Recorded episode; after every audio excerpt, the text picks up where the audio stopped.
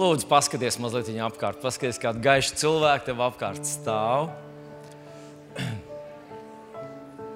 Un vai nav brīnišķīgi, ka draudzene nav pilnīga, jo tad mums ar tevi šeit neatrastos vietiņa. Es nezinu, vai jūs dzirdējāt, ko es nu pat sacīju, vai es ar sevi sarunājos.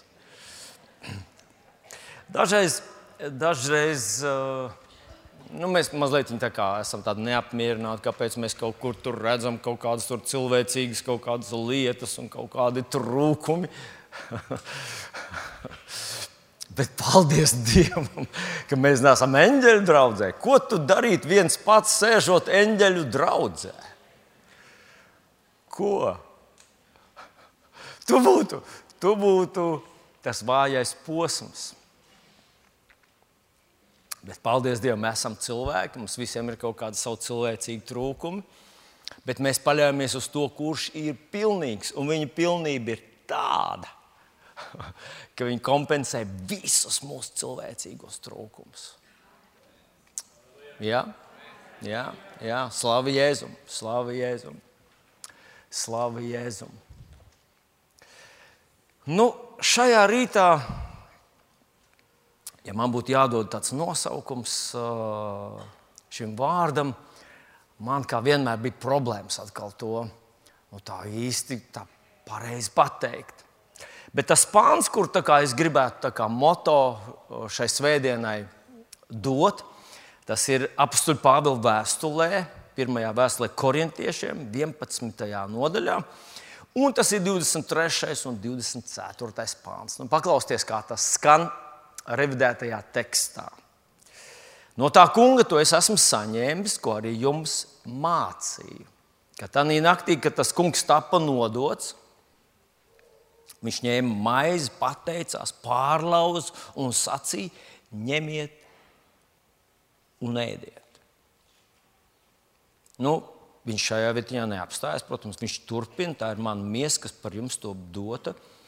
To dariet mani pieminēdam. Tātad tas ir iedibināts, ies, Jēzus atstāts mums, lai mēs neaizmirstam, lai mēs atgādinātu sev atkal un atkal un atkal.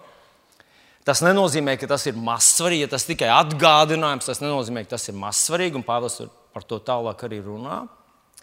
Un tad viņš saka, arī pēc vakarēdienas, vai pareizāk būtu teikt, tādā vienkāršākā valodā teikt, pēc uh, vakariņām. Viņš paņēma arī biķeri un sacīja, šis biķers ir jaunā derība manās asinīs. To dariet, cik kārt jūs to dzerat, un dzerat man pieminēt. Nu, šodien ir mēneša pirmā svētdiena, bez šaubām šodien būs šis Jēzus iedibinājums. Jēzus to iedibināja, saka, turpiniet to darīt un atcerieties, ko es priekš jums esmu izdarījis. Mēs to baudīsim ar tādu patiesu, dievbijīgu, ticības pilnu, pateicības pilnu sirdi. Bet man ļoti gribētos, ka Svētais Gars mums pavērtu mūsu acis, paplašinātu mūsu redzes, ko tad mēs darām, kad mēs baudām šo tā kunga iestādījumu.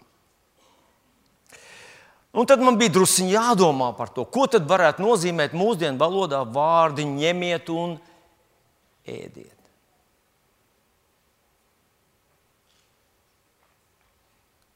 Nu, visi mēs kādreiz esam bijuši ciemos pie kādas ģimenes, kur ir, kuras saimniece ir pazīstama ar savām ļoti prasmēm, lielajām prasmēm, kulinārijā, ēdienu gatavošanā, tur kaut kādās tādās lietās, kas mums visiem ir svarīgas. Iedomājieties, mēs te sēžam, visi apkārt, izskatāmies, kā mēs būtu cilvēki, kuri nekad dzīvē neko. Nu, mums tikai vajag debesis, kā, kā Dārvids saka, ka tu man esi, man neko nevajag. Vairs. Bet pēc mirkļa mēs jau visi domāsim, ko atkal uzēst. Tāda mēs. Un, un tas nav noslēpums. Pat nevajag būt pravietim, lai es pateiktu, ka tu vakarā ēdi kaut ko un aizvakarā ēdi kaut ko. Nu, pat ja tu pēdējās trīs dienas neesi ēdis, tad pirms tam noteikti tu ēdi. Jo savādāk tu vispār nebūtu līdz šeit atkļuvis. Tev ir vajadzīgs šis ēdiens. Un tad tu aizej pie kādas tādas ģimenes, un tur viņiem kaut kāda svētki, un kaut kas ir uzgatavots, un, un galdi ir sakārtot, un tu ienāc, un tev acīm pirmais, ko tu dari, ir acīm. Oh, jā, jā, ir. ir. Kas ir? Nu, Ko nu kurš? Kāds meklē vistiņas, kāds meklē zīltiņas, kāds meklē salātus, kāds meklē ceptus kartupeļus. Kāds meklē šašlika bļodu, vai ne? O, oh, ir pietiks, jā. Kas tā ir cūka? Nē, zīs, ah, ah, ah, ļoti labi. Nu, tā tad mēs apskatām, un mēs gaidām to maģisko mirkli, kad saimniece teiks, ko tad? Nu, apskatījāt, paldies, jums ejiet mājās. Nē, mēs gaidām to mirkli, kad viņi teiks, nu, tad labi, es gribu. Jā. Tālākais ir atkarīgs no jums. Un iedomājieties, tu tur sēdi pie tāda galda un skaties, jā, kā visi loka. Nu, nu, vēl es nezinu, vai visi ir bijuši, bet es domāju, ka iespējams lielākā daļa ir bijuši kaut reizi tādā, tādā nu, kurortā, kur ir saucās all included. Maģiski vārdi. Maģiski vārdi. Dažus tas pilnīgi izmaina visu viņas ēšanas paradumus. Tu ienāc tādā, nu, tādā lielā, tādā milzīgā restorānā, un tad jau saka, tu vari iet vienreiz, otrreiz, trešreiz, ceturto reizi. Ne jau nedēļas laikā, bet, bet vienas ēdienas reizes laikā. Tu vari aiziet atkal un atkal pasēdēt, mazliet vēlreiz aiziet, vēlreiz aiziet.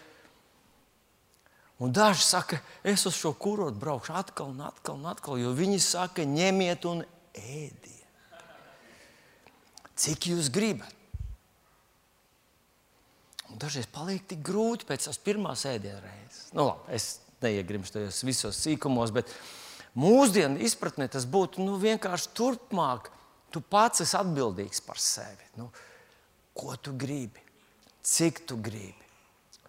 Laipni lūdzu. Un tas ir tas, ko Jēzus šeit saka saviem mācekļiem. Ņemiet un ēdiet. Mums jāatcerās, ka tas ir viņa kalpošanas pašas beigas. Viņš ir viņus mācījis trīs ar pus gadus, ne vienkārši klasē sēdot, viņš ar viņiem ir staigājis. Viņš, viņi ir redzējuši, kā viņš dzen ārā dēmons, kā viņš spitālīgi šķīs, kā viņš akliem acis sadara. Viņi ir redzējuši, kā viņš paņem piecas maizes un paēdina piecus tūkstošus. Viņš ir sludinājis, viņi ir bijuši neskaitāmos dievkalpojumos tā, ka viņš šos jēzus prediķus var uzrakstīt. Viņi uzraksta gandrīz precīzi viens pēc otra. Protams, svētā gara palīdzība tur arī. Bet viņi ir bijuši šajā Bībeles skolā trīs ar pus gadu. Nu, Jēzus visu ir izdarījis pašās, pašās beigās. Tajā naktī viņš atlika tos pēdējo nakti. Tajā naktī viņu nodeva, un tad sākās ļoti intensīvs laiks. Džing, un viņš pēc mirkļa jau karājās pie, pie krusta un izdara pēdējo, kas viņam jāizdara.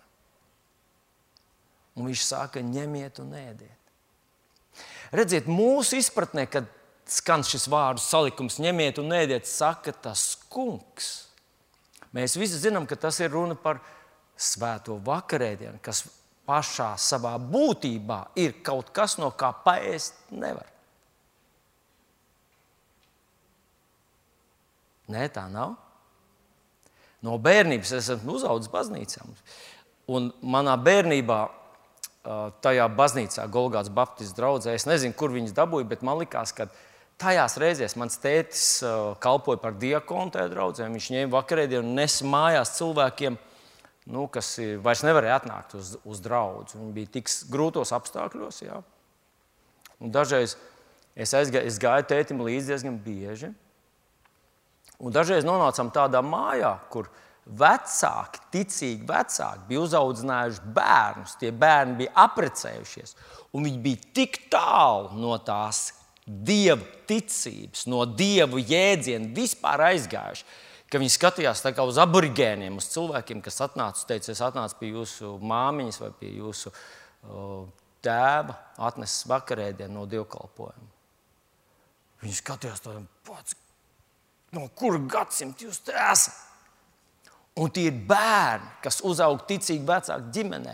Un nepilnas puspaudzes laikā viņi aizgāja no tā tik šausmīgi tālu, ka viņiem tas likās ārprāts kaut kas nesaprotams. Redziet, Dievam nav mazbērnu. Mūsu bērniem ir pašiem jāatrod tas kungs un jāatgriežas. Mēs viņam varam ļoti palīdzēt bet arī varam kļūt par lielu šķērsli mūsu bērnu ceļā pie Dieva. Jo viņi tik ļoti vīlušies, ka mūsu vārdi atšķirās no mūsu dzīves. Un šai ziņā mums visiem ir liela atbildība savu bērnu dzīvēm. Būt par cilvēkiem, kas palīdz viņiem nepazaudēt Dievu. palikt ar viņu. Bet tā tad es uzaugu tādā baznīcā, un kad reiz, reizēm tētim palika pāri tas, tās vakarēdienas maizītes, tad viņš atnesa mājās. Viņš teica, nu, es domāju, ka īsnībā jau bērni var viņu ēst tad, kad ir nokristīti. Tā bija manā bērnībā. Teica, teica, tad, kad tu būsi kristīts, tu varēsi arī piedalīties, jo tas ir tiem, kas ir pieņēmuši jēzu par savu kungu. Un tomēr bija tāda izņēmuma, kad viņš deva, iedeva atļauju bērniem arī apēst katram pa gabaliņam no tām. Un tās maizītes bija tik maz gabaliņš, un bija tik šausmīgi garšīgi. Tas mazais gabaliņš bija tik, un ka man tas asociējās ar kaut ko ļoti garšīgu. Ņemiet un ēdiet, saka, tas kungs, tas būs kaut kas tik ļoti mikroskopisks, bet garšīgs. Es vēl aizvien nezinu, vai viņi pirka, vai tās māsas tur toreiz cepa kaut ko, bet tas bija izdarīts labi. Ņemiet un ēdiet.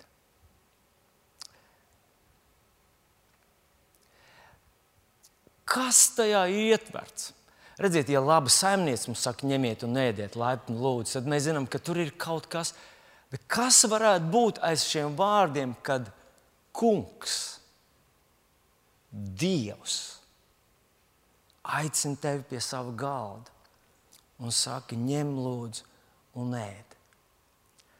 Cik daudz tajā ir? Kas, kāda bagātība, kādas nu, kalorijas, kādu vitamīnu, cik tur ir tā labā aiz tā visa. Un pirmo ieskatu jau mums, protams, dod tas, kādos, kādā sakarā Jēzus to ar saviem mācekļiem baudīja. Viņi svinēja pasku vai nu, mēs esam latviskojuši to un padarījuši to, mēs saucam tās par lieldienām, lielā diena.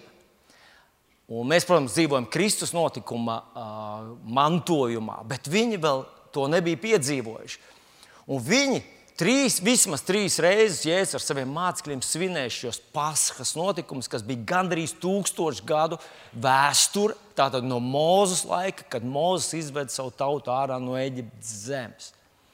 Un lielākā daļa no jums absolūti perfekti zinat tos notikumus. 400 gadu ebreju tauta, Izraēla tauta bija vergi Eģiptē. Viņi bija, bija visnicinātākā, visbeztiesiskākā, visapspiestākā grupa visā bagātajā, varenajā Eģiptē. Un tad vienā dienā Dievs sūtīja mūzu, un viņš izveda, tur bija garāks viss tas uh, process.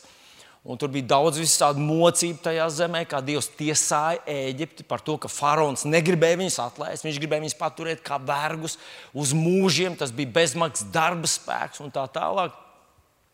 Bet tā tad uh, Dievs viņus ved ārā ar stipru roku. Un pēdējā naktī, pirms viņi aiziet uh, no Eģiptes, uh, pa Eģipti iet maitātājs. Maitātājs tas bija, tas bija eņģelis Tas bija eņģelis, kas gāja un nomaitāja visus Eģiptes pirmzimtos, sākot ar suņa pirmzimto līdz faraona pirmzimtam. Visiem pirmzimtajiem bija jāmirst.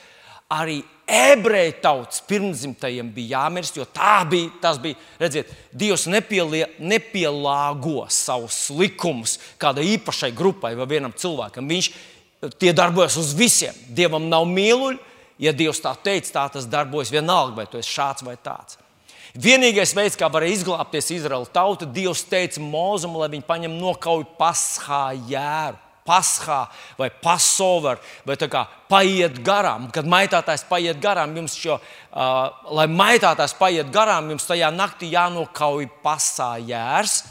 Un ar viņa asinīm jāapziež uh, palodas, palodzes un durvju stenderes.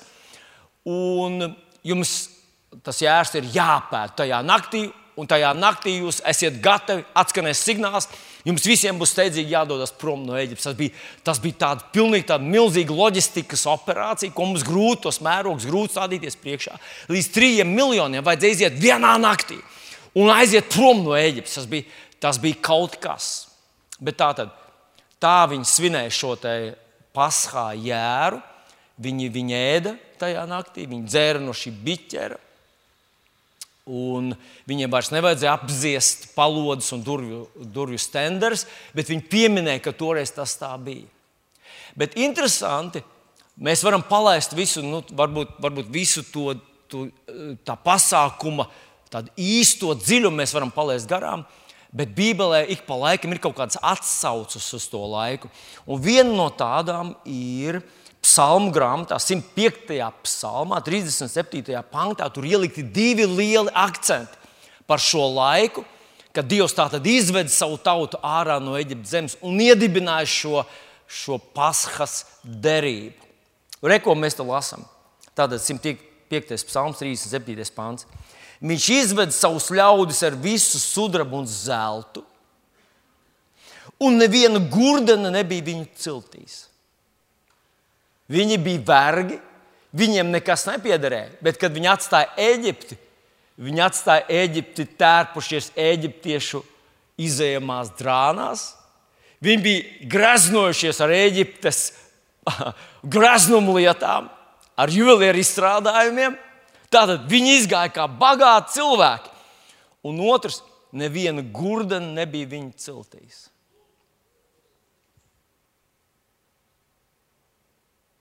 Tātad Jēzus iedibina šo savu jauno derību. Viņš saka, ņemiet un ēdiet, bet viņš to dara uz iekļaujot sevī to iepriekšējo derību. Viņš to dara tajā pašā svinību vakarā. Un no tās iepriekšējās derības ir divi lieli akcenti. Viņi vairs nav nabagi, un viņi ir dziedināti.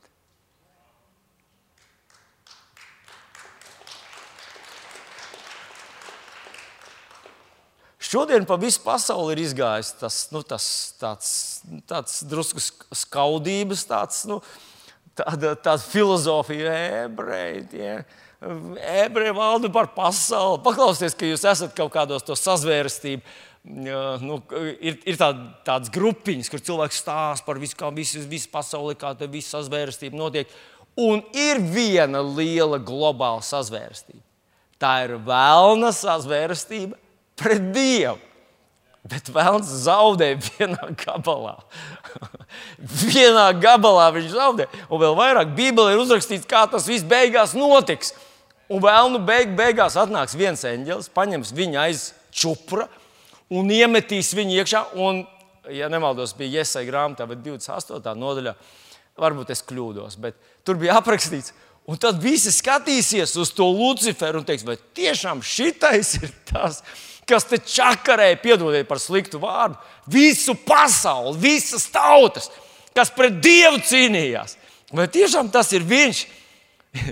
Izrādīsies, nu, ka tas lielais draudīgais Putins ir vecs un mazs, drebošām rokām vīrelis, kurš pats par sevi neko daudz nevar izdarīt. Un patiesība ir tāda, ja mēs vēlamies nedotu iespējas, viņš nevarētu ne pusi izdarīt no tā, ko viņš dara, ja mēs ar viņu nesadarbotos. Bet tā tad, mīļie draugi, es gribu, lai jūs pievēršat uzmanību, ka tas ir tas, kas toreiz notika, un viņš sāka pats. Viņš dziedināja visu tautu. Kā jūs domājat, vai vergu vidū bija daudz slimu cilvēku? Vai bija?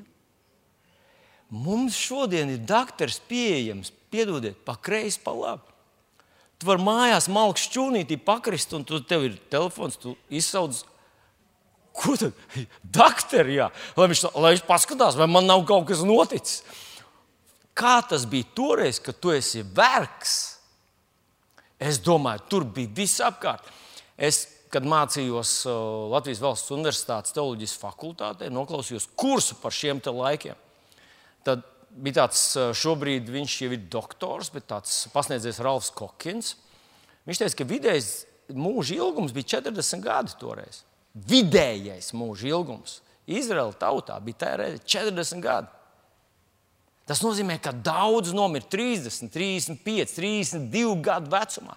Cilvēki darīja smagu darbu, ēda kaut ko absolūti neveselīgu un nēdamu. Un viņiem nebija nekādas dzīves. Bet Dievs viņus dziedināja tajā naktī, kad viņi ēda šo pasāļu un kad viņi apzied savus durvju palodus un stenders ar šīm asinīm. Bet paklausieties vēl kādu ļoti svarīgu patiesību, kas, kas šis paliktu kā vienkārši tāds atskats uz zelta laikmetu. Ja, ja šis nākamais pāns nebūtu patiesība, tas ir uzrakstīts ebreju vēstulītē, 8. nodaļā. Tātad par jēziet runu. Viņam ir piešķirta pārāka kalpošana, jo viņš ir labākas derības starpnieks, kas uz labākiem apsolījumiem dibināta. Vai tu ievēro, kas tur teikts? Jēzus derība, tā derība, kurā mēs ar tevi esam, ir labāka derība. Mēs runājam par Dāvidu, lasām, kā viņam Dievs atbildēja, kā Dievs viņu svētīja un pasargāja. Tā un mana derība, vai Jēzus mums sagādātā derība, ir nesalīdzināma labāka.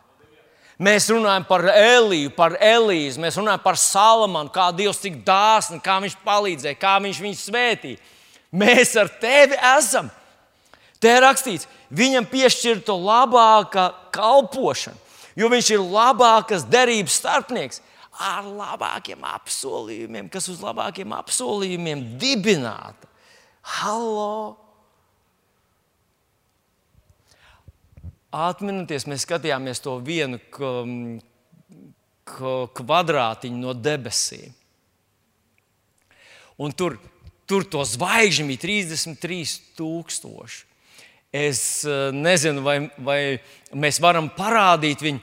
Bet es gribētu vēlreiz mazliet, kad es atveru viņu savā datorā, datoram vajag mazliet laika, lai, viņš, nu, tā, kā, lai, lai tā bilde kļūtu asa. Jā. Nu, pievērsiet uzmanību.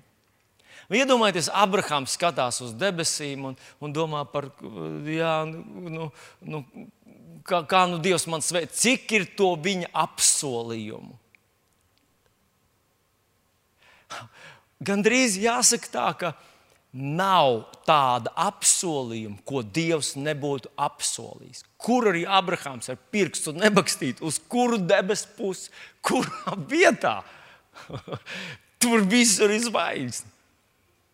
Nu, paskatieties, Dieva debesis. Kurš teica, ka Dievs ir tāds? Atcerieties to stāstu, kad māte Terēza nonāca debesīs. Un, un es nezinu, vai es drīkstu to stāstīt vai nedrīkstu, bet, bet nu jau vairs nav kur atkāpties. Māte Terēza, kā jau jūs visi zinat, viņa bija tāda. Nu, Viņa bija nodevusi visu savu dzīvi palīdzībā tiem nabagākiem, zemākiem, slimākiem cilvēkiem. Un no viņa nomirst, viņa nonāk debesīs. Un debesīs viņa viena pati, protams. un tur ir Dievs, un, un Dievs vakarā viņai saka, paklau, es ceru, ka tu neņemsi ļaunā, nu, ka mums tur vakariņās nav nekas daudz, mums ir viens konservs, un mēs to varētu sadalīt uz pusēm. Māte saka, nē, nu, es esmu zemes pieradusi tā, nu, viss labi, man nav nekāda problēma. Un tad nākamā dienā atkal viens konservs, un Dievs atkal attaisa konservu, viņus pusēm apēda un tā. Un, un pusdienās atkal. Un beigās māte Terēza skatās par malu, skatās, ellē, viņam trīs ēdienu tur. Un, un viņi tur, nu, tur, tur pirmais, otrais karsts, un viss vis, tur rindas stāv un ēd un uz nebēdu. Un viņi saka, nē, nu, kungs, man nav nekāda pretenzija, man nav nekāda tur, teiksim, nepatikas. Ne, tāda, es, es, es tikai nu, kā, es esmu pieradis uz zemes. Nu, tā, bet, nu, kā, kā tas tā ir, nu, ka, ka tā tomēr debesīs un. Dievs saka, nu redz, mums uz diviem šeit neatmaksājās gatavot. Tas ļoti ekonomisks Dievs. Vai viņš tāds ir? Parādiet vēlreiz tās zvaigznes. Nu, viņš, ja es būtu radījis debesis, tur būtu pašas galvenās zvaigznes. Jā. Tur būtu tiešām skaidrs, tur ir ziemeļzvaigzne, tur ir dienvidu. Cilvēkiem būtu viegli orientēties. Ak, kungs, nebūtu nekāda problēma. Paskatieties, ko Dievs dara. Liekas, ka viņš, viņam savu radošo enerģiju nav žēl. Viņam nav ierobežojumu, nav, nav, uh, nu, nezinu, viņam nav kaut kādas mēra sajūtas. Vai jūs zināt, ka cilvēkam ir trīsreiz vairāk zarnu nekā viņam vajag? Mums var izgriezt divas trešdaļas no mūsu zarnām. Mēs turpināsim dzīvot, sportot un sapņot par lieliem sasniegumiem dzīvē. Dievs ir tik ļoti neizmērojami dāsns. Un kad Viņš mums saka, ņemiet un ēdiet, nu, tam vajadzētu kaut ko, kaut ko mūsos, tam vajadzētu kaut kā rezonēt pareizāk nekā tas mazais kriksītis. Tātad viņa derība, jaunā derība, ir nenormāli labāka. Tā iekļauj sevī visu veco derību un ir vēl tik ļoti, ļoti, ļoti pārāk.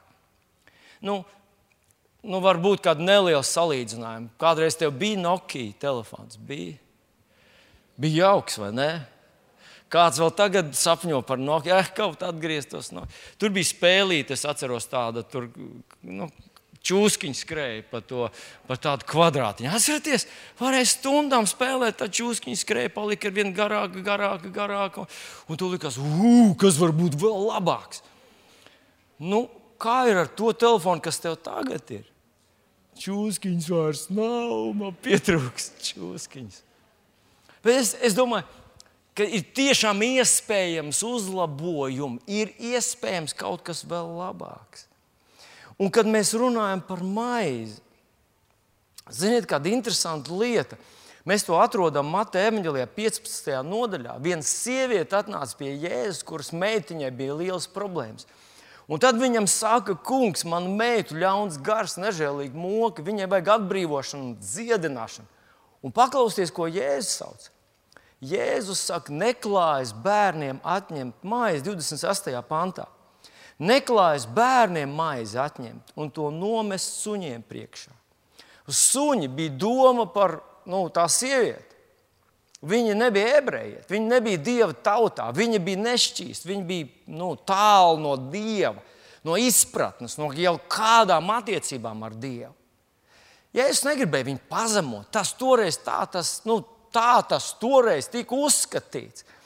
Un es lasīju daudz gadus vēlāk, viens Spērģents prediķis, nu, kur es varbūt ne, nepieminēju šodien, bet viņa, viņa Viņa salīdzinājums ar cilvēku, kurš ir bez dieva, ir ļoti līdzīgs. Kam cilvēkam nav vispār nākotnes, nav izpratnes.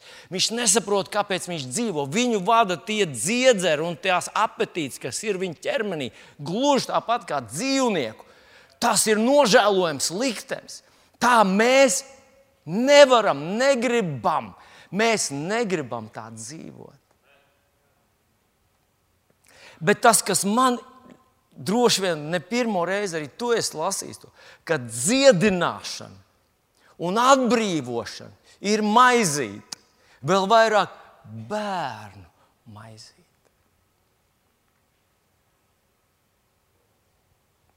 Man tas iet kopā ar to, ja es saku, paņēmu maizi. Viņš samaksāja par to restorānu, samaksāja par to ēdienu. Viņš pats salauza to maizi un sacīja, ņemiet un ēdiet. Viņš visu sagatavoja un saka, maizīt. Lūdzu, es to sagatavoju priekš tevis. Ņem un ēd.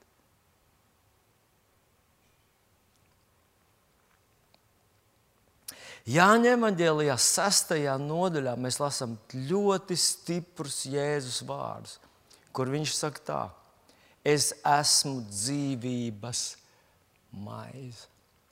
Es esmu dzīvības maize. Es esmu dzīvības maize. Turpat iepriekš Jēzus saka par savu debesu tēvu. Mans tēvs jums dod īsto maizi no debesīm jo dieva maize ir tā, kas no debesīm nāk un pasaulē dod dzīvību.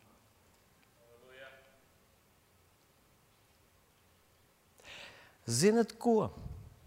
Šeit ir runa par plašāku mērogu nekā tikai tu un es, mēs mazie dievu bērni, kuriem Dievs pilina savas svētības.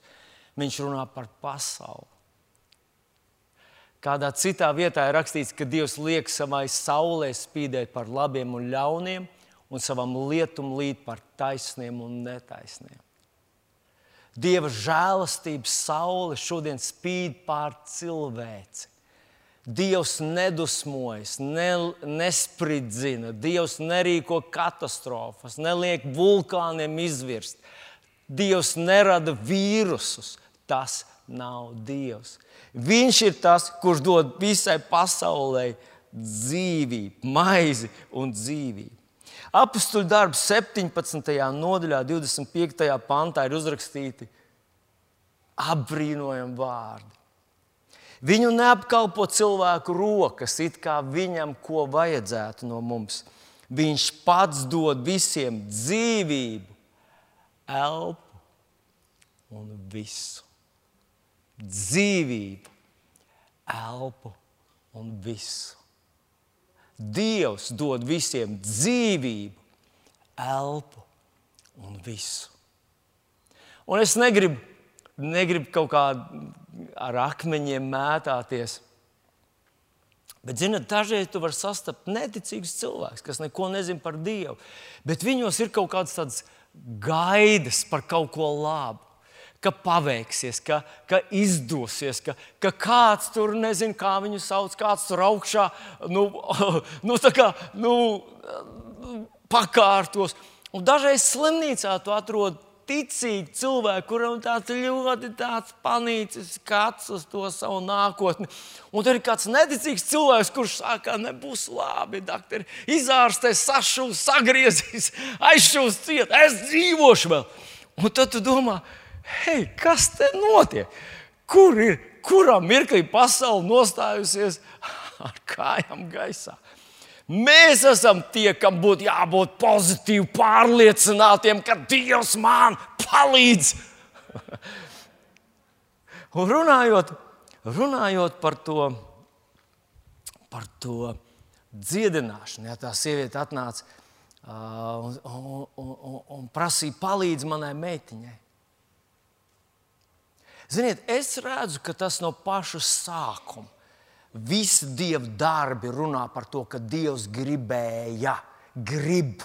Viņš no paša sākuma zināja, ka ar to būs problēmas. Viņš ir ielicis šo te spēju, šos likumus, šos mehānismus visā dabā. Daba atjaunojas. Viņš ielicis tos māmiņā, kas nesa bērnu. Kā mēs zinām, tur ir tāds ļoti spēcīga barjera, kas saucas placenta, kas neļauj tām sliktajām lietām no māmiņas ķermeņa skart mazuli. Dievs to ir tur ielicis. Un tad mēs piedzimstam paši, izaugam, mēs sagriežam pirkstu, uzreiz skrien trombocīti. Asinīs ir tādas īpašas šūnas, kas atradušas to, to caurumiņu, tūlīt skrien un viņas, viņas tur sacietē un cenšas aizvērt ciet. Mums ir imunitāte, mūsu organisms ir izveidots tāds, lai tas vīrus, tas baktērija, tā slimība, kas mums uzbruks, lai organisms mācītos ar to cīnīties, cīnītos ar to Jo Dievs taču gribēja nevis, lai mēs piedzimstam un nomirstam. Viņš gribēja, lai mēs dzīvojam, viņš gribēja, lai mēs uzvaram, viņš gribēja, lai mēs esam veseli.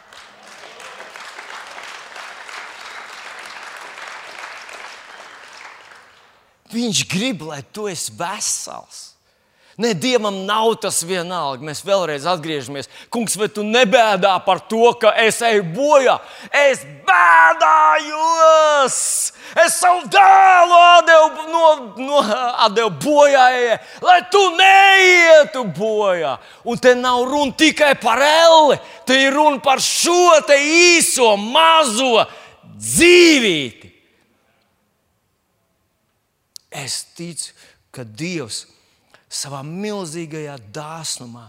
To ir ielicis visos cilvēkos. Cilvēks spļauj uz debesīm, cilvēks pielūdz elkus, bet Dievs dod dzīvību, elpu un visu. Un mēs ar tevi jau dzīvojam 2000 gadu žēlastības laikā. Bez šaubām cilvēks, kurš spļauj uz debesīm, viņš iet pazušanā. Un vienā dienā tā sabiedrības daļa, kas ir atraidījusi Jēzu Kristu, vai viņi ir skaisti, jauni, bagāti, talantīgi, atzīti, visi viņus apbrīno un apskauž. Ja viņi noraidīja Jēzu Kristu, viņi noraidīja vienīgo glābšanas ceļu. Un taisnajam Dievam, mīlošajam Dievam, bet taisnajam Dievam, viņus ir jāatdala no visa dievišķīgā Un tās ir bezgalīgi tums, bezgalīgi vientulība, bezgalīgs lāsts. Cilvēki iet pazušanā, nezinot, kā atraidu pašu galveno viņa dzīvēm. Mīļais draugs, varbūt tu esi šodien šeit, tu varbūt sēdi dievkalpojumā šādi tādu, varbūt tu esi ļoti atvērts cilvēks un labs cilvēks, dāsns cilvēks. Varbūt, tu palīdzi suņiem, kaķiem un visiem, kur tu redzi savā ceļā, savā iespēju robežās. Ja Jēzus nav īsti simtprocentīgs tavs kungs, tu neesi glābts. Nemāni sev, ka tev ir laba veselība, un tu taču dari tikai labu. Un gan jau, ja tu dari labu, gan jau beig, beigās tas, tas nostrādās. Tas ir labi darīt labu. Tevis paša dēļ, tavas dvēseles dēļ, tavas viengabalainības dēļ, es domāju, tās harmonijas, iekšējās harmonijas dēļ. Ir daudz labāk būt labam cilvēkam, tādam nu, morālam kroplim, piedodiet, liek pēdiņās, tādam, kurš visus nicina, visus vajā, visus apzog. Vi, viņam lielākā problēma ir tur iekšā. Tā ir sāpīga, dziļa un neārstējama. Un tā paliek ar vien grūtāk, ar vien smagāk. Bet paldies Dievam, mēs ar tevi esam Dieva bērni. Mēs saprotam, ka mūsu glābējs un kungs vēlas, lai mēs esam veseli. Jēzus tā tad ir maize, Dieva maize. Jēzus tā tad ir dziedināšana, Jēzus tā tad ir palīdzība, Jēzus tā tad ir tas, ko mums visiem vajag. Bet vai tas nozīmē, ka visi viņu pieņem? Un mēs visi zinām raksturvietiņu no Jāņa Ņemģelī 1. nodaļas 11. pāntu, kur rakstīts, viņš nāca pie savējiem. Viņš jau nenāca pie svešiniekiem, viņš nāca pie savējiem. Viņš nāca pie Izraēlas tautas, viņš nāca pie cilvēkiem, kuriem pravieši bija stāstījuši un sludinājuši, kāds viņš būs, ko viņš izdarīs. Viņi visi viņu gaidīja. Tas paradoks, viņi visi viņu gaidīja. Un kad viņš atnāca, viņu neuzņēma. Ja mēs varam runāt tajās kategorijās, ka Jēzus ir maize un tā maizīte ir tā dziedināšana, kas ir vajadzīga tai meitiņai. Vai varētu būt tā, ka viņš sūtīja dziedināšanu savējiem, un tie savējie to neuzņēma? Bet tur, paldies Dievam, ka tas pāns tur nebeidzas. Bet cik viņi uzņēma? Tu un es, mīļais, mans brāl un māsa. Mums ir kaut kāda pieredze, mums ir kaut kāda pagātne, mums ir kaut kas, ko mēs esam saņēmuši no Dieva. Ļauj man šodien pateikt, lai arī cik daudz tu būtu saņēmis no Dieva, tās ir tie pirmie pilieni no milzīga Niagāras ūdenskrituma.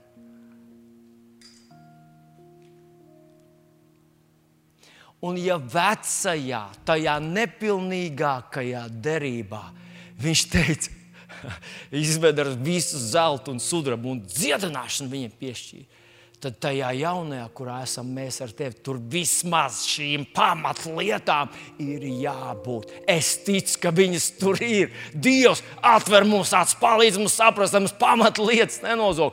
Plus!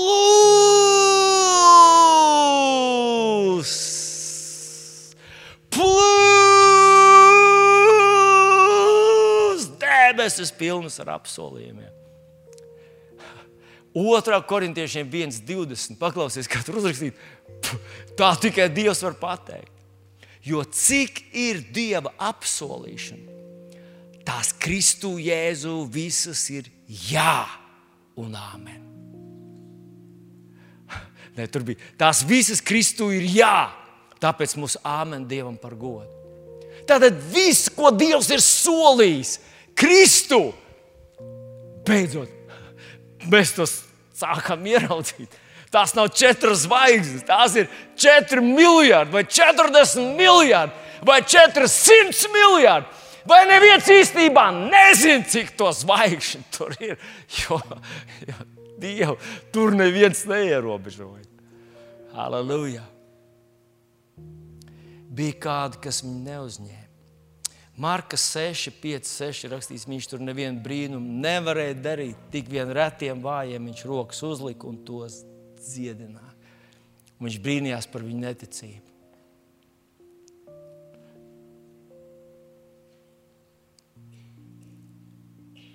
Es tagad pateikšu patiesību par tavu dzīvi. Tā, tā, tā noskanēja. Taču par visiem tas ir patiesi. Ir lietas, kas kuras tu neļāvi Dievam savā dzīvē izdarīt. Nozīmīgs un svarīgs lietas. Viņš ar sīkumiem nenodarbojas. Tu vienkārši neļāvi. Tu neticēji, tu ierobežoji, tu neredzēji tos mērogus, tu neusticējies viņam. Tu izturi savā mazajā kaulēnajā rociņā.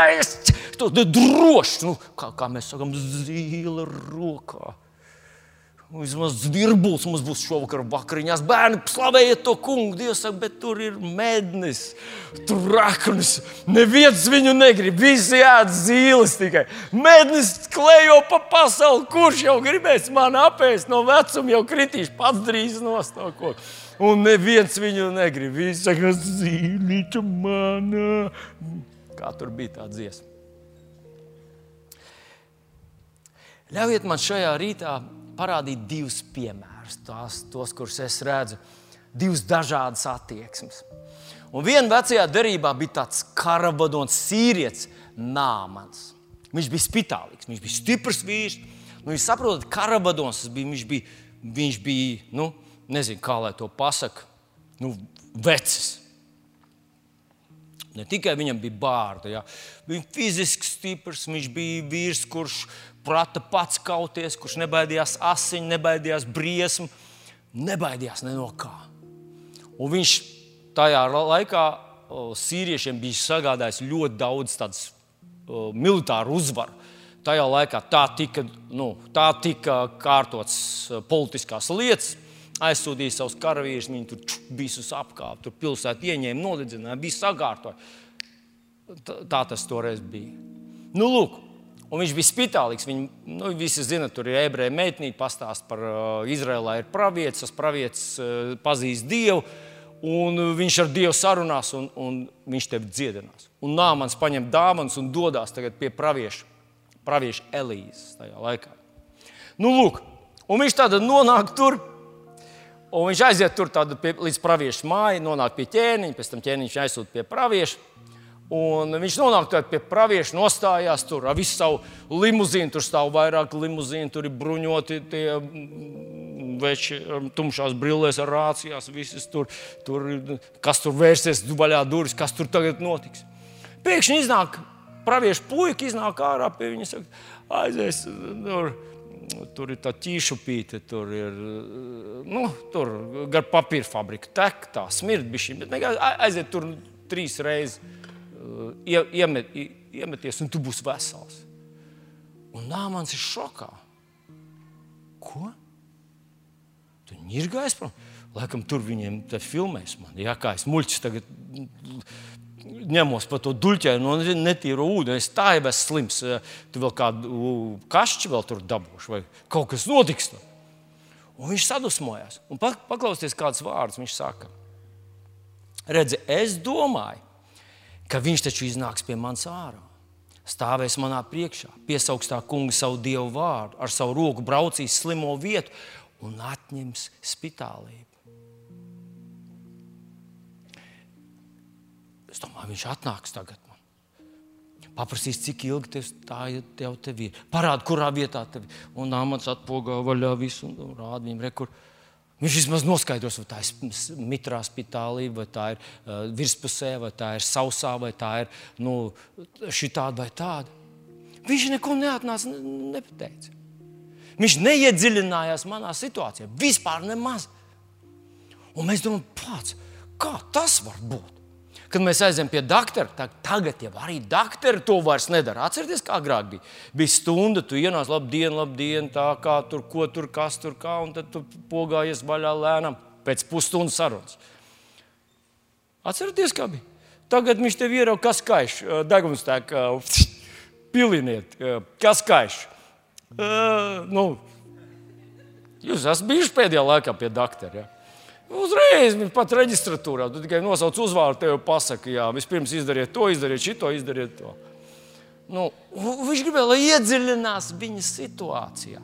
Saprotiet, viņam nebija nekādas lielas ticības. Viņš vienkārši ticēja, ka tur ir kāds, kurš to var izdarīt. Un dažreiz Mīļie draugi, mēs tādi esam. Mēs gribam, lai Dievs atnāk pie mums, apsēžas uz mūsu gultas, kad mums ir temperatūra. Vai mēs, jūs neesat nekad gribējuši, lai Jēzus atnāk apsēžas uz tavas gultas? Ar tevi parunājas mazliet, ko? Parāda savus caurdurtās rokas, rekā man te bija šī tā sāpē. Tā kreisā roka nebija, bet labā tur sāpēja vairāk. Un, un, tad, un tu viņam pajautā, kā ar to vainagu, vai ne? Baigi durās un tā. Nu, tāda normāla cilvēcīga attieksme, saruna. Un tad viņš mums prasa, nu, kā tev, ko tur, un tu, un tu viņam rādi, viss man sāp šī te, un tad te, bet citreiz, kad es pārēdos, sāp arī tur. Tad mēs gribam, nu kā, lai viņš iedziļinās mūsos, pareizi. Jo tad mēs zinām, ka tad viņš varēs mums palīdzēt precīzāk. Dažreiz cilvēki atnāk pie mācītājiem, stāsta visu, kāda viņiem vēdera izēja, cik bieži un pēc kā tas smaržo un, un tā tālāk. Un, bet trešdien man bija savādāk, un tad bija atkal tā, tā, tā, tā, tā. tā. Ne jau cilvēks negrib sevi pazemot, viņš vienkārši grib, lai nu, tu saproti tās problēmas dziļumu. Un tieši tas ir tas, ko Nāmēns gribēja izdarīt. Taču, kā tu vari man dziedināt, ja vispār neesi man apskatījis? Mēs neesam iepazinušies. Un tas ir tas, ko mēs atnākam pie Dieva. Skaties, tu sēdi tādā lielā zālē, tu sēdi varbūt tur kaut kur, tur iespējams pašā pēdējā, pašā pēdējā rindā, tur pašā stūrī sēž viens vīrs. Jā. Ot, iedomājieties, ka šodien atnāk, atnāktu kāds pravietis, tāds īsts pravietis, un teikt, ka šodien Dievs dziedinās vīriešus, kuriem pirmais vārda burts ir lielais, un vārds beidzās ar burtiņu es. Tad tas vīrs, kas tur sēdētu, ja, nu, pieņemsim, es, es, es redzu, ka tas ir. Aizmirsu viņu vārdu, bet labi, arī ne, neteikšu, neteikšu jums viņu vārdu. Ja. Bet iedomājieties, iedomājieties, ka tur būtu viens no tādiem nēmeniem. Ja. Un viņš sēž, vārds ar S, sākās ar lielu un beidzās ar S. Tā. Jānis, Juris, Kārlis, Toms, Vilnis, Andrejs. Visi! Nevar būt, ka visus dziedinās. Tad, jā, tad tam pravietim būtu jāpasaka, kāds tev zeķis. Tu šorīt steidzies no rīta, aizgulējies mazliet vienā kājā, tev balta, otrā ir, ir brūna zeķa. Viņš paskatītos, teikt, točnu, bet nevar būt, ka es. Un tad viņš teica, ka tev personas kodu nosaukt. Mēs domājam, pagaidām, nepiereģistrēju šodien kaut kādus draugus, jūs reģistros. Jo mēs reiz domājam, ka nu, kaut kā tur tāda sazvērestība, tur nostučīja mācītājiem te, un kāds pateica, kas man ir pa problēmu. Te, nu. Saprotat, mūsos visos, nu es nevaru teikt, ka visos varbūt, bet lielākā daļā mēs esam tādi nāmani. Mēs gribam, mums pienāk, paņem aiz rokas, izsauc priekšā, pasaka, kas par diagnozi, pasaka, cik ilgi jau tu slimo, pasaka, kā tu šorīt jūties, ka tu šorīt negribēji braukt uz draugu, jo sieva tev aizrādīja kaut ko, lika pārģērbt krāklu, samainīt tur un, un lika izsūkt mašīnu, tāpēc, ka tādām izkas tevi nebrauks. Tu gribētu, lai šito visu tev izstāsta, un tad tu nostātos un teiktu, nu, labi, Dievs, nu dari, ko tu gribi. Ja? Mēs tā kā domājam, ka nu, īsts Dievs ielauzīsies manā dzīvoklī, ienāks manā dzīvē, apstādinās, piespiedīs man pie sienas un teiks, tā klausies. Bet tā nenotiek. Un pilnīgs pretstats ir tā sieviete, par kuru mēs jau pieminējām, tā uh, bija samarieta, jā, kuras meitiņa bija slima. Viņa atnāk pie Jēzus. Viņa atnāk pie Jēzus un saka viņai, man meita ļauns gars, nežēlīga moka. Un, es viņai saku, nav ko maizi dot suņiem, bērnus jāpaēdina, un paklausieties, ko viņi saka. Viņi saka, jā, kungs, protams, viņi saka, protams, tā ir. Bet tad viņi saka, bet suņi ēd no druskām, kas krīt no viņa kungu galda. Nu, mums visiem mājās ir galda, mēs visi ēdam mājās. Vai daudz jums nokrīt no galda zemē? Ko? Vai no tā, vai no tā ko, kas nokrīt zemē, prusaki var paēst? Ma, mana, man biologa zināšanas eh, saka, ka prusaki nesamierināsies. Viņi līdīs uz galda, jo viņiem ar to nepietiks. Viņi gribēs tikt uz galda. Bet tā sieviete saka, ja dziedināšana ir maizīte, tad viņas būs tik daudz, ka arī suņiem pietiks. Ja Dievs klāja galdu, ja Dievs klāja galdu, ja Dievs klāja galdu, tas nevar būt tas mazs mikroskopisks gabaliņš, bet garšīgs, bija labi, bet mazs. Ja Dievs klāja galdu, tad tas ir kaut kas tāds, kas pietiks visiem. Pietiks, viņš piecas maizes, paēdināja piecus tūkstošus. Kā tas ir? Eju grāmatā 53. nodaļā, viņš saka, taču viņš bija ievainots tavu pārkāpumu dēļ un tavu grēku dēļ satriekts. Tavs sots bija uzlikts viņam, tev par atpestīšanu. Ar viņu brūcēm tu esi dziedināts.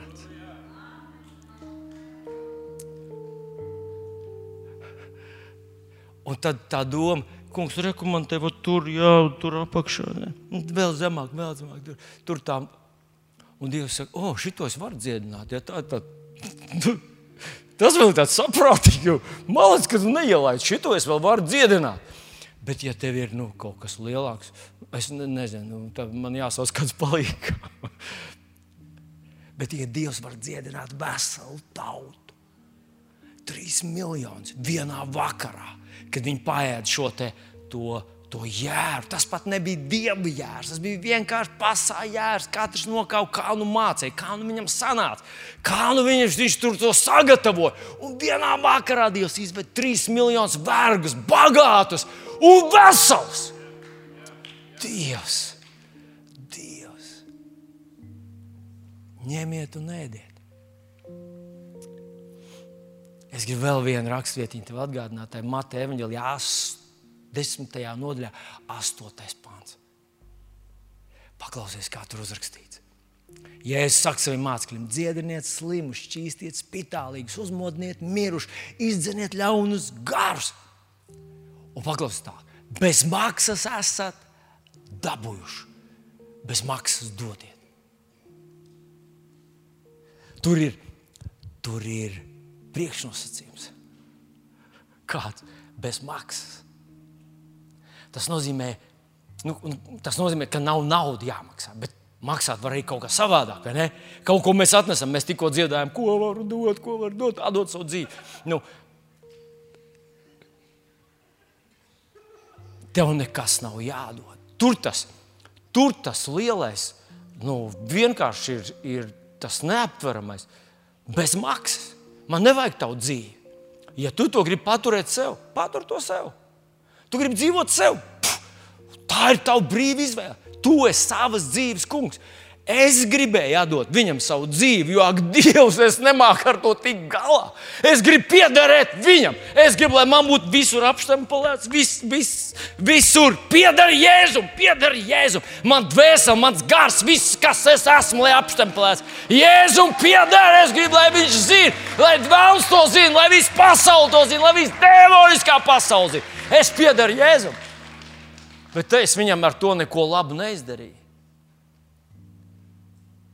Tu gribi samaksāt par savu dziedināšanu? Ar ko? Tev nav nekādas valūtas. Dziedini slimu, šķīst, spitālīgs, uzmodini miruši, izdzen ļauns gars bez maksas. Tu esi dabūjis bez maksas. Dod. Vai tu spēj noticēt, ka viņa dziedināšanas mērogs, viņa maize ir tik tādā mērogā, tādā kvalitātē, tādā daudzumā, ka tu vienkārši vari paņemt savu daļiņu. Tik cik tu gribi mieru tavai dvēselē, cerību tavai rītdienai, drosmi tavam, tavai, tavai pašapziņai. Vērtības apziņa, tev tas viss ir tik ļoti cilvēkam šodien vajadzīgs, un tev nav jālūdzas. Tev nav jālūdzas. Šodien mēs redzam, ka pasaules nu, tā saucamie eksperti izmanto dievu kaut kādas metodītas kaut kā daļēji mazliet kaut ko no viņa principiem paņem. Un cilvēks iet mēnešiem, mēnešiem. Lietas, kuras viņš ir devis dievam, viņš tās atkal atdzīvina, stāstot tam savam, tam, nezinu, psihologam, psihiatram. Es nerunāju par to, ka, ka ir speciālists, kas tiešām var palīdzēt, un kādreiz ir vajadzīgs viens. Kristīgs, cilvēku uzbūvi izprotošs speciālists. Es nerunāju, ka tas viss, es nepārspītroju visu to, bet dažreiz tas ir vienkārši bizness. Tā ir vienkārši tu kā atkarīgais. Nāc, un nāc, un nāc, un nāc. Un pagājuši divi gadi, tu tur esi atstājis tūkstošus. Un beigās konstatē, ka nekas jau nav. Jā, es esmu izrunājis savu muti, un, un viss. Kad tu atnāc pie viņa, kad tu atnāc pie viņa, un tev ir šī te, šīs te sievietes izpratne Kungs, aleluja, es zinu, jā, slavu Jēzum. Jā. Es šodien man vajag uh, dziedināšanu manai galvai, manai sirdī, šodien man vajag šito, man vajag to. Es pieņemu palīdzību, aleluja. Es pieņemu palīdzību manās finansēs. Es pateicos, ka tu man palīdzi. Es zinu, ka man tas pašam jādzīvo. Atcerieties, rakstīs nemities sēšana un pļaušana. Mēs gribam, lai mūs iemidzina kāds uz narkozi, jāizmedzina mūs, kamēr tie sliktie gadi, un pamodina mūs tad, kad būs lielas pļaujas. Bet tā tas nedarbojas. Dievs grib, lai tu pats sēji un pļauj, lai tu pats darbini šo dieva likumus, dieva mehānismus, bet lai tu nesā sevi šo ticību, šo pārliecību, ka Dievs ir tavā pusē, ka Viņš tev palīdz, ka Viņš tev izvedīs, ka Jēzus tāpēc nomira par tevi, lai tu vari ņemt un ēst. Viss ir iekļauts!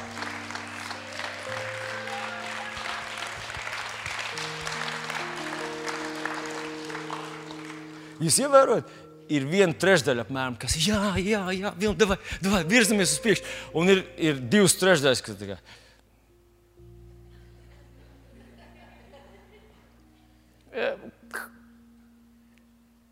Izklausās labi, tas varētu būt patiesība.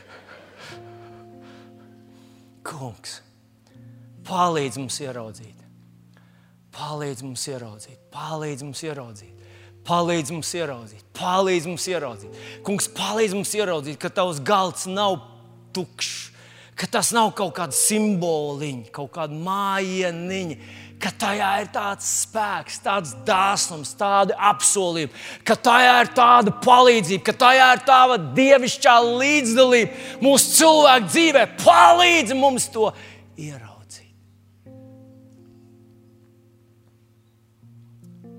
Paklausieties, brāļi un māsas. Es aizvakar to nesāju, vakar to nesāju, un es šorīt atkal to sadzirdēju, atkal savā sirdī ļoti. Uh, oh, es gribu paklausīt svētajam garam. Un tas ir, ka šodien mēs varētu nostāties pretī vēzim. Ziniet, vēzis ir jaunais jaunais uh, masu iznīcināšanas ierocis. Viņš šodien pļauj cilvēks pa labi un pa kreisi. Un gandrīz, gandrīz vai cilvēki jau nu, mūsos arvien vairāk nostiprinās tā apziņa, ka tas ir, nu, ka tas ir visiem. Ka tas, ka tas nu, ka tā ir modernā slimība. Jā, to jāārstē un, jā, un kaut ko var darīt. Jā, jā, jā. jā. Jā. Nesaprotiet, man lūdzu, nepareizi. Es nesaku, ka nevajag ārstēt vēzi. Es saku, to vajag darīt. Vajag darīt, ko tu kā cilvēks saproti un zini darīt. Vajag darīt. Bet es gribu šodien teikt, ka ir iespēja atnākt pie šī kunga Jēzus galda un paņemt šo maizīti To nevar izdarīt mehāniski, to nevar izdarīt nu, kaut kā mājiņticīgi. To var izdarīt uzticoties kungam, jēzum, ticībā, paņemt to, nostāties pretī viņam, pateikt, ka manā ķermenī tu nekad nenāks. Jo manu vēzi Jēzus jau paņēma, manu sērgu viņš iznes, manu nāvi viņš nomira. Un tāpēc es uzticoties kunga Jēzus žēlastībai, viņa apsolījumiem, šodien nostājos pretī šim vēzim. Un es saku tev, nē, es tevi nepieņemu, es tevi neakceptēju, es nesamierinos, es negaidu tevi. Jēzus vārdā es kāpju tev virsū un saku, tev jāiet ar līkumu manai mājai, jo esmu, mans nams ir apslacīts ar Dieva jēra sargājošām, glābjošām asinīm. Ja tas atsaucās tavā sirdī, Tikai tad, ja tas atsaucās tavā sirdī, tad pēc mirklīša, pēc mirklīša mēs pirms vakarēdienas mēs uh, lūgsim par vajadzībām. Tad mēs, uh, uh, tad, tad mēs šo izdarīsim, šo kopējo tādu nostāšanos pretī. Un ja tev, ja tev pie tā viss vēl vajadzīga roku uzlikšana, tev būs iespēja atnākt šeit priekšā un Jēzus vārdā. Tev nebūs nekas jāmaksā. Jēzus bez maksas to es dabūju, bez maksas atdot. Jēzus Kristus vārdā, svētā gara spēkā. Es šodien kopā ar tevi nostāšos pretī audzēm, lai tas nav veiksmīgs, lai tas iet garām, lai tas nomirst saknē, lai tas nomirst turpat kaut kādā aizmektnī. Jēzus vārdā, lai tas izžūst un izkalst un pazūd un nekad nenāk atpakaļ. Jēzus vārdā. Halleluja! Bet lūdzu, nepaliec nēmā kategorijā. Lūdzu, pārēj tajā un ieraugi Dievu dāsnu, nenormālo, brīnumaino, brīnišķīgo dāsnumu kungā Jēzu Kristu.